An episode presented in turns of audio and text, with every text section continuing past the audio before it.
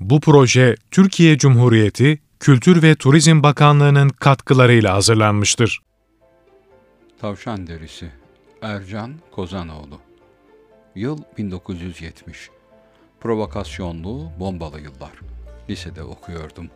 O zamanlar şimdiki gibi sözel, sayısal, eşit ağırlıklı gibi şeyler yoktu. Yalnızca edebiyat ve fen bölümü. Ben edebiyat bölümü son sınıf öğrencisiydim. Uzun boylu, yakışıklı, iyi giyinen, kibar davranan.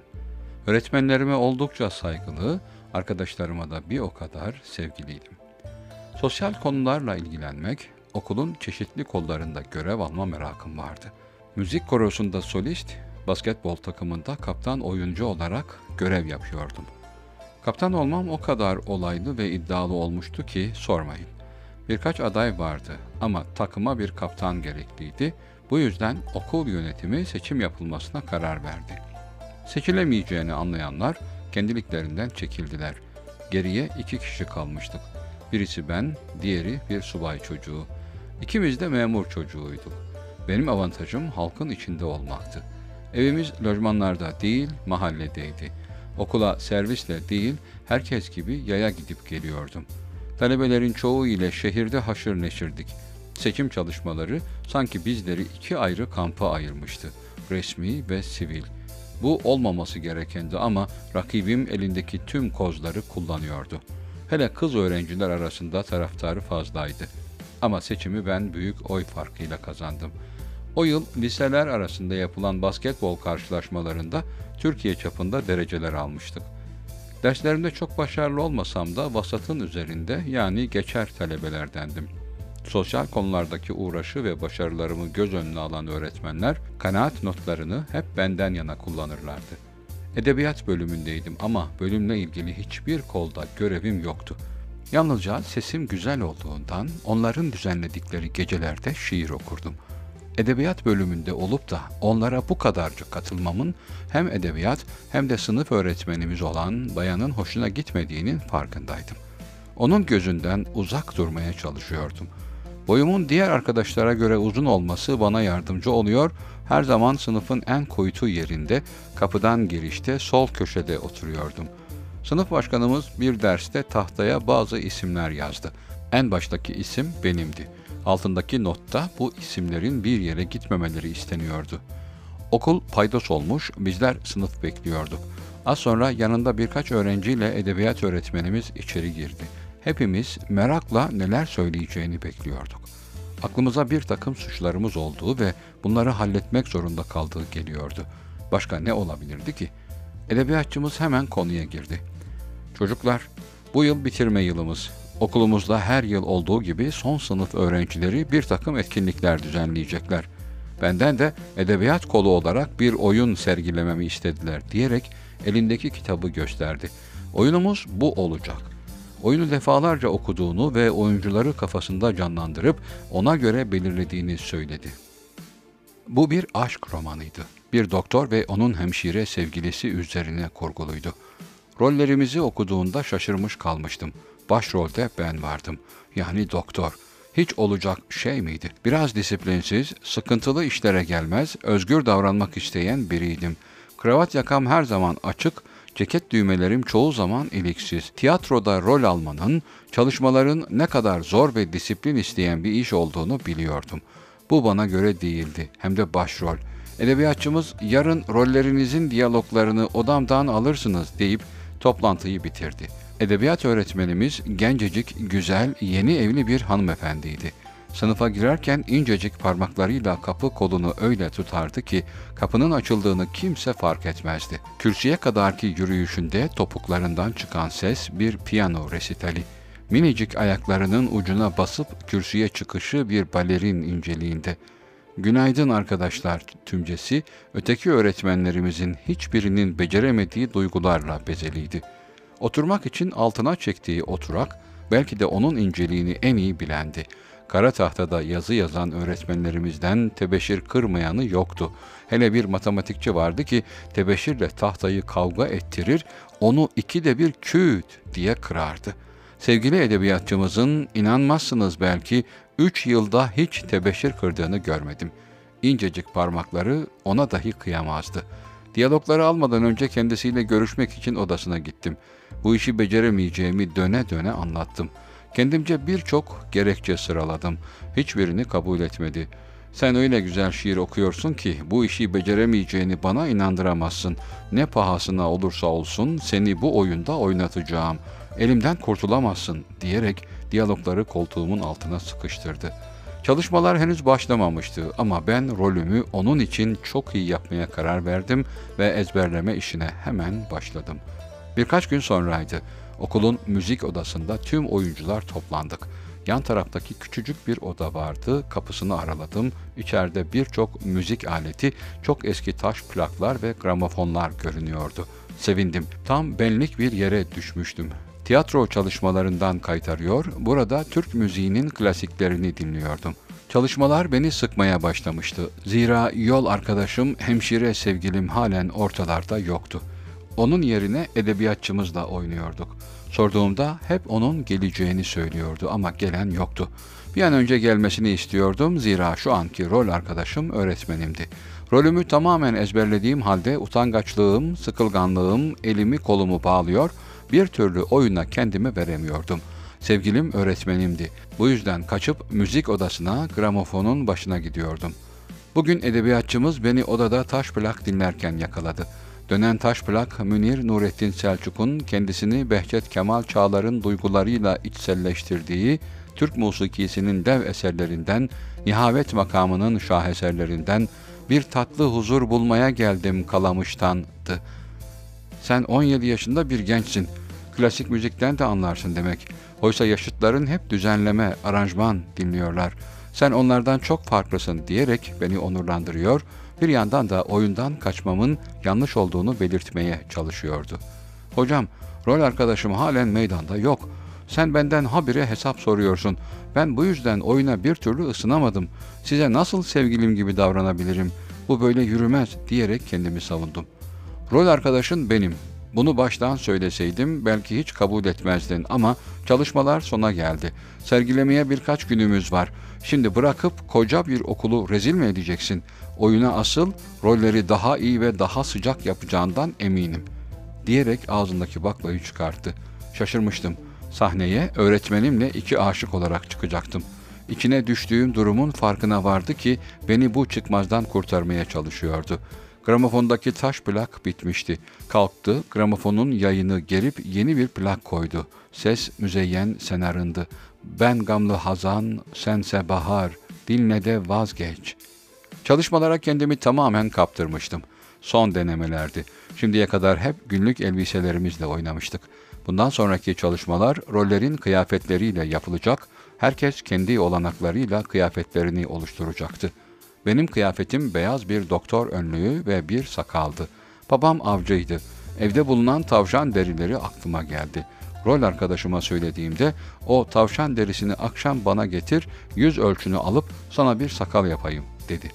Eve geldim sandıktaki tavşan derilerinin en iyisini bir paket yapıp edebiyatçımızın evinin yolunu tuttum. Ordu lojmanları hep uzakta oluyor, şehrin dışında. Şimdiki gibi dolmuş da yoktu. Tabana kuvvet lojmanlara vardım. Binbir sorgudan sonra nizamiyeden içeri alındım. Nöbetçinin tarif ettiği evi buldum. Dört katlı apartmanın üçüncü katındaki bir dairenin kapısında rol arkadaşımın soyadını okudum. Defalarca zili çalmama rağmen kapı açılmadı. Ne yapmalıyım? Biraz daha oyalandım. Kapıyı bir kez daha çaldım. Kapı açılmıyor. Demek ki evde yoklar. Elimdeki paketi kapının eşiğine bırakıp oradan ayrıldım. O sabah ilk dersimiz edebiyattı. Yine aynı yerimde kapının girişindeki sol en arka köşede oturuyordum. Düğmem açık, kravatım gevşek, ceket düğmelerim iliklenmemişti. Sınıfın kapısı bir hışımla açıldı, kırılırcasına. Topuklar betona öyle vuruyordu ki delercesine. Kürsüye atılan ilk adımın sesi sınıfta yankılandı. Günaydın arkadaşlar. Tümcesi bugün yoktu. Oturak hoyratça çekilmiş, üzerine çullanırcasına oturulmuştu. Oturak afallamış, bir türlü dengesini sağlayamıyordu. Edebiyatçımız elindeki paketi masanın üzerine koymuş, onunla boğuşup duruyordu. Gözleri çakmak çakmak, Kaşları çarma çatık, tehdit doluydu. Tüm öğrenciler dikkatlerimizi ona vermiş seyrediyorduk. Sınıf çok kötü bir şey olacağının sessizliği, fırtına öncesi sessizlik içindeydi. Masanın üzerine doğru eğik olan başın yavaş yavaş doğrulduğunu, sınıfı gözden geçirip ve gözlerinin beni bulduğunda sabitleştiğini gördüğümde kalbimin atışının hızlandığını duyumsadım. Allah'ım ne oldu acaba? Göz gözeydik. Yılışmaya çalışıyordum ama karşımdaki bakışlardaki tehdit bunu yapmama engel oluyordu. Sen buraya gel. İşte bir şaşkınlık daha hem de daniskası. Neler olacağını kestiremeden ama kötü şeyler olacağını da hissederek yerimden usulca kalktım. Bu kez sınıfın tüm gözleri benim üzerimdeydi. Pür dikkat kesilmişlerdi. Yavaş, mızmız, anlamsız adımlarla sıraların arasından kürsüye doğru yürümeye çalışıyordum. O da kürsüden aşağı inmişti, kara tahtanın önünde buluşmuştuk. Evet, karşı karşıyaydık. Buyurun hocam. Ellerinin ince uzun parmaklarıyla yaka düğmemi ilikledi, gevşek olan kravatımı sıkıştırdı, ceketimin açık düğmelerini ilikleyen parmakları seyrederken bir yaban kedisi çevikliğiyle ve olanca hızıyla suratıma inen tokadın sesi sınıfın sessizliği içinde yankılandı. Elinin bir içi bir de tersiyle çat çat. Nakavt olmamıştım ama sersemlediğimin farkındaydım. Düşünme yetim halen vardı ve tek umurumda olan o incecik parmaklardı. Onlara bir şey mi oldu? Yüzümü ateş basmıştı. Yanağımın mosmor olduğunu fark ediyordum. Tokatların ardından başıma çaldığı paket parçalanmış, kağıtların arasında tavşan derisi görünüyordu. Başım dönüyor, gözlerim kararıyor, sınıf alt üst oluyordu. Midemin bulandığını hissediyordum. Ama aklım halen o parmaklardaydı. Betonu delercesine basan topuklar, kırılırcasına kapanan kapı. Hiçbir şey demeden çıkıp giden edebiyatçımız. Gururum kırılmış, arkadaşlarımın yüzüne bakamaz olmuştum. Suçum neydi, ne yapmıştım, düşünüyor, bulamıyordum. Üç gün okula gitmedim. Oynayacağımız oyun da umurumda değildi. Karar verdim. Bu okuldan ayrılıp başka bir okula gitmeliydim. Ertesi gün bir dilekçe ile müdürün yanına çıktım. Müdür dilekçemi okudu. Bir gerekçe yazmamışsın. Okulun şu son günlerinde tasdikname almak sana çok şey kaybettirir. Önünde üniversite sınavların var. Ben bu sorumluluğu alamam. Anlat bakalım mesele nedir? Anlatmak istemedim. Çok üzerime geldiğinde çözülmüştüm. Olanları olduğu gibi müdür beye anlattım. Ben onunla konuşurum. Sen şimdi sınıfına git. Kolay mı sınıfa gitmek? Arkadaşlarımın yüzüne bakmak. Merdivenlerden indim, avlu kapısına döndüğümde kolumdan yakalayan el beni sınıfa doğru sürüklemeye başladı. Dönüp baktım bu müdürümüzdü. Sınıfın kapısı kapalı, içeride ders vardı. Müdür kapıyı çaldı, kapı açıldığında o kara tahtanın önünde ders anlatıyordu. Bizleri görünce sustu. Gözlerim alçıya alınmış ya da sargı beziyle sarılmış parmaklar arıyordu ama öyle değillerdi. Çok şükür onlara bir şeyler olmamış. Müdürle selamlaştılar. Duyamadığım bir şeyler konuştuktan sonra müdürün haydi git yerine otur bakalım emrine uyarak boyun büküp köşeme çekildim. Ders bitiminden sonra tiyatro çalışmalarına katılmam gerektiğini sınıf arkadaşlarıma söylemiş, onlar da bana. Doğruca gittiğim yer müzik odasıydı. Elim ne taş plaklara ne de gramofona gidiyordu. Dalmış olanları düşünüyordum. Nihavent bir şarkı sesiyle kendime geldim. Unutturamaz seni hiçbir şey. Gramofonun başında edebiyatçımız duruyordu. Yüzüne bakamıyor, bir laf da edemiyordum. Bir süre sonra sessizliği kendisi bozdu. Olanlardan çok üzgünüm. Özür dileyemem ama senin yaptığında yanlıştı. O tavşan derisinin başıma açtığı işler var ya, kapı eşiğine koyduğun o paket lojmanların tümünü ayağa kaldırdı. İnsanları sabaha kadar uyutmadı. Bizleri bir yığın insana rezil ettin. Anlattıklarından hiçbir şey anlamamıştım. E, hocam ben bir şey yapmadım. Kapınızı çaldım, çaldım, açan yok. Ne yapabilirdim? Deriyi kapının önüne bırakıp oradan ayrıldım. Tamam, sen bir şey yapmadın ama ortalık çok karışık, toz duman. Karşı dairede oturan komşumuz biz eve gelmeden güvenliğe bildirmiş. Kapının önünde bir paket var. Herkes ayaklanmış. Evler tümden boşaltılmış. Bomba uzmanları çağırtılıp inceletmişler. Paketin içinden tavşan derisi çıkınca hemen aklıma sen geldin. İş işten geçmişti. Hadi bakalım şimdi sahneye. Çıkıp oyunumuzu oynayalım. Bu son deneme olacak. Kılığını, kıyafetini hazırladım. Çıkart bakalım ceketini. Şu beyaz önlüğü giy, sakalı takayım dedi. Elindeki sakal benim tavşan derisi değil mi? Vay namussuz deri diye geçirdim içimden. Büyük bir aynanın karşısında kendimi seyrediyordum. Hemşire yanıma gelmiş, bak bakalım yakışmış mıyız? Sakallı, beyaz önlüklü, boynundan aşağı sarkan dinleme aletli doktor, yanında başında beyaz kep, üzerinde bembeyaz giysisiyle hemşire. Görüntü aynaya o kadar güzel yansıyordu ki, gözlerim, aklım hep parmaklarındaydı. Hiçbir olumsuz iz yoktu. Onları avucuma alıp okşamak geçiyordu içimden ama bir yanlış anlama daha olur korkusu bu güzel duyguların dışa vurulup yaşanmasını engelliyordu.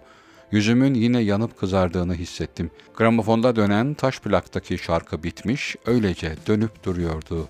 Cızıt, cızıt. Yönetmenin sesiyle kendilerine geldiler. Sahne. Perde yavaş yavaş açılıyordu. Doktor sevgilisi hemşirenin ellerini avuçlarına aldı, sahneye doğru yürüdüler. Doktorun kalbi her zamankinden daha çok atıyor, her yanı titriyordu.